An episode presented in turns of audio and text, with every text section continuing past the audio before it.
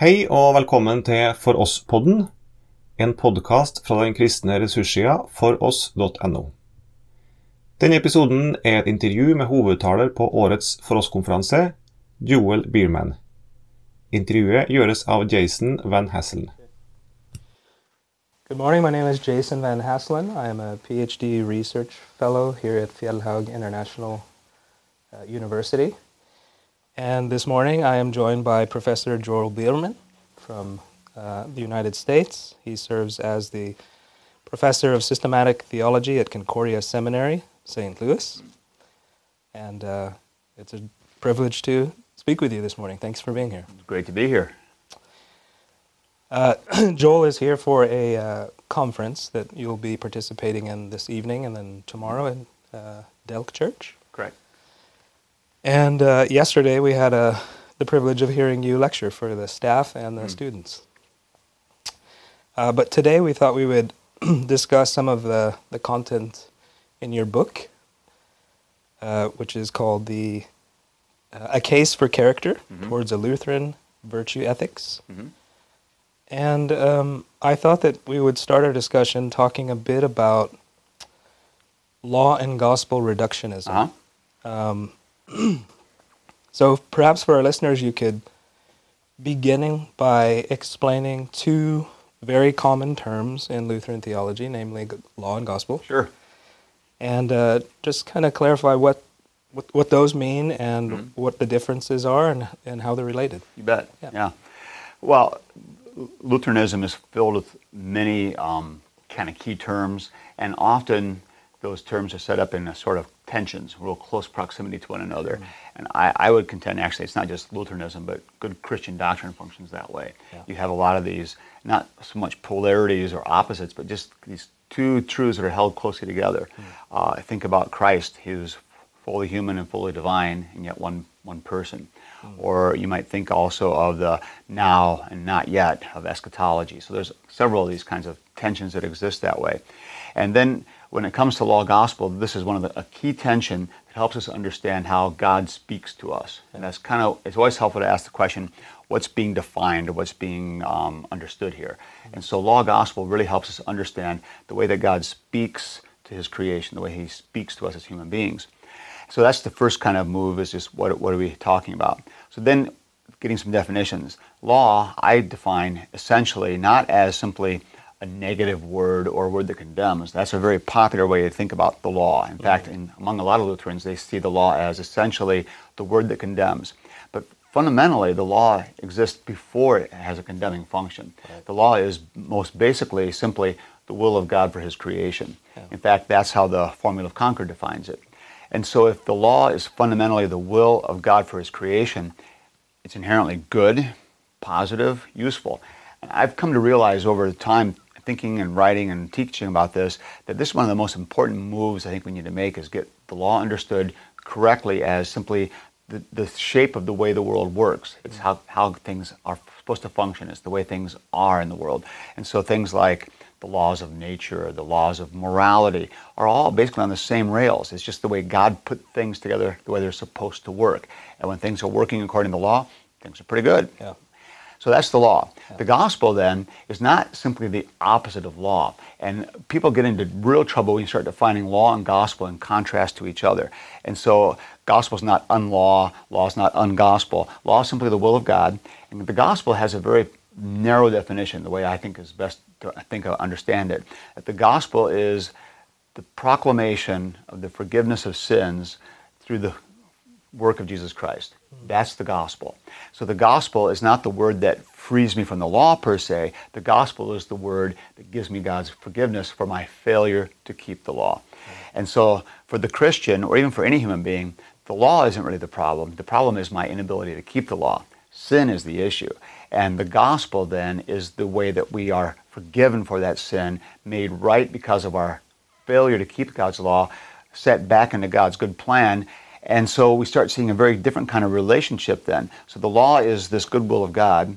I fail to keep it in my sin. And the gospel is the good news that God doesn't hold me accountable for that failure, but in fact forgives me and restores me to what God created me to be. That's gospel. So, in its very narrowest sense, the gospel is Jesus Christ, life, death, and resurrection, and that gift given to me as now a creature redeemed in Christ because of his life and work and his resurrection. Yeah.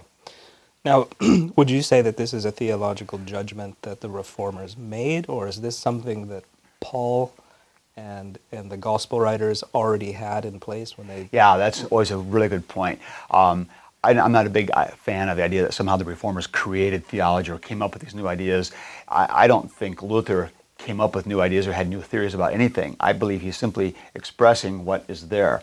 And so I would say the law was built into the creation from day six when God finished creating. It was there. Yeah. And the gospel has been in place from the moment that God promised a redeemer in Genesis 3. The hope of the gospel is coming. And all through the Old Testament, you see the anticipation, waiting, waiting, when's it going to come?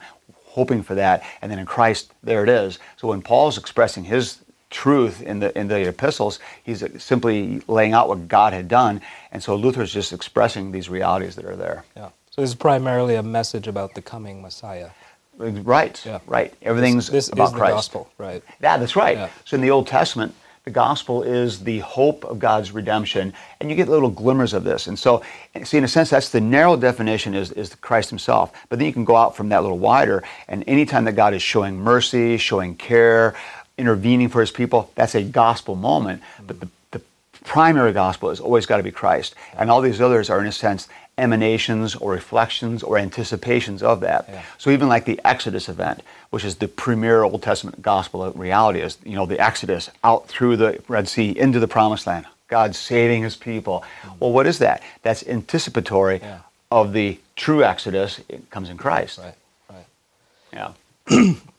in your work, you've also thrown a spotlight on a problem that's somewhat pervasive in uh, academic literature. Uh, and that pertains to the phrase law and gospel reductionism. Yeah.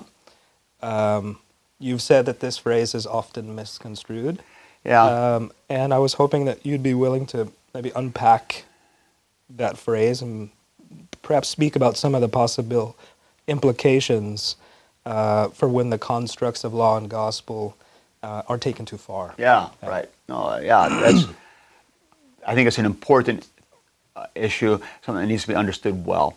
So, law, gospel, and working this wonderful reality together. They could always be held together, and I would contend that one of the most important concepts to get through is to understand that the gospel, as I said, is not unlaw or not opposed to the law. In fact, if we rightly understand this, the gospel comes and restores me for what Christ what God created me to be, right. puts me in a right relationship, and in a sense puts me back into the world to do the law.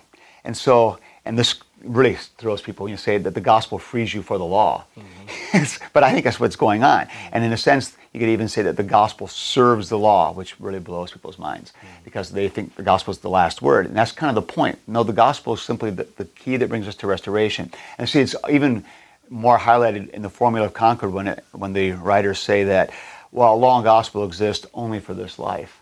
Mm. Because in the eschaton, there will be neither law nor gospel. Mm. It's like, wow. Yeah. But that's exactly right. Because right. we will just have the Word of God then again. Yeah. Now, the problem we get though is when we start setting up law and gospel as, as an antithetical or even a polarity, Law bad, gospel good. Law negative, gospel positive. Law gets me ready to hear the gospel. I need the law because I got to be killed and crushed, but man, I want to just live in the gospel. Yeah. When we start operating this way, there's no way to think about kind of going back to the law. We just want to be done with it. And so the law gospel reductionism is, I think, the problem of trying to see all of life and all of theology in light of that polarity, mm. and it starts to infuse everything. You always, and then you become very suspicious of the law, and you're always trying to figure out how to live in the gospel. And then you start trying to figure out how to make all of ethics work according to the gospel, because it's got to be Christian. So we got to can't do the law because that's bad. How we can do it in the gospel? Right. And you start thinking about stewardship. It's got to be gospel. Start thinking about counseling. Got to be gospel. And you start getting things really out of whack because you start trying to make the gospel do things it's not supposed to do, right. like tell you how to live. Mm-hmm. That's what the, law, what the law does. The gospel just tells me I'm forgiven. Now, that's one of the problems I think of law gospel reductionism in its right understanding. That the law gospel reductionism is when you try to reduce all of theology to the task of law and gospel. That's problematic. Um, the more common way of hearing gospel reductionism. That's usually a shorthand. People just say gospel reductionism, and that's be, and it's become kind of a, a, shorthand for. I think he's light on the law. There's a little bit too much um, kind of just being nice and cutting everybody slack, and then you hear people say, "Well, that was a bad sermon. It was just all gospel reductionism." And what they really mean is he didn't really do any pointed law preaching. Yeah. He was just being, you know, bleeding heart liberal, we might say. Right. And that's not really law gospel reductionism. That's just that's licentiousness. That's just sloppy, bad preaching. So there's so I, I, I, hear in the common parlance people will say that's just gospel, gospel reductionism, and that they what they really just mean is they're they're not taking seriously God's law, and that's not really law gospel reductionism. Law gospel reductionism is more accurately trying to shove everything into that law gospel paradigm, like that's the end all be all for everything. Right. So it's not it's not as though we can come to the text, open Romans, start at verse 1, read the text, and say, This is law, verse 2 is gospel, this is law. That's right. Uh, how do we read the Bible faithfully in light of that paradigm? Yeah, so this is, this is quite right. And even when we're thinking about the task of exegesis and thinking law gospel, you really can't ever look at a verse and say, this is always law, this is always gospel. Because law gospel, in its very essence is always the speech of God to us, mm. and the hearer is part of that process. This, you know basic you know oral communication theory that you got a speech act, but you've got a hearer who's hearing it, mm. and the hearer is as much part of the speech act as the speaker. Right. And so we have a word that's coming from God, but the hearer might hear a nice word as condemning or a condemning word as liberating in some weird way. And so you can never easily predict what's law or gospel. It depends kind of on the hearer, which sounds really loose, but it's kind of true. Yeah. Now that's also that's the case, but there's also the case then that I don't think it's kind of the goal to sit down and hash through a text and try to figure out now is this a word that condemns or is this a word that frees? Because it's not always easy to figure that out. I think the better way to ask the question is what's being what's God doing here? Is God directing human life? Is He giving us insight into how life works? Is He giving us um, a direction for how we should be functioning? Or is He giving a word of grace and forgiveness that sets us free from our failures? What's going on here? Yeah, yeah.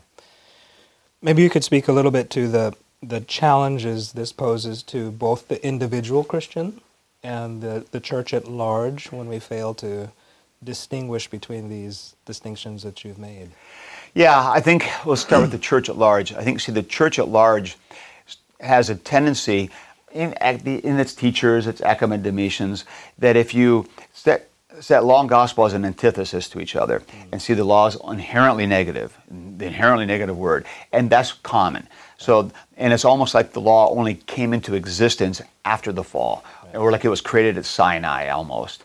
But if you understand the law that way, then you're always suspicious of the law. You're always seeing it in a negative light. And then you can never possibly have a sermon that like delights in God's direction. And you're always very cautious not to end you know with the law or condemnation. And you're just you end up in a sense becoming antinomian, having a disdain for the law, whether you intend it or not, because you're just always being suspicious of it. You don't really quite want it to have its full full voice. Yeah. That happens commonly in preaching yeah. and in right. teaching. Yeah. And so that's a concern for the church. I also think one of the things that happens is, and this gets a little more um, you know subtle, but it, it ends up happening is somewhere you have to actually do the work of telling people ethical things mm. like what's right and what's wrong, no matter what that basis might be, you've got to get around to doing this.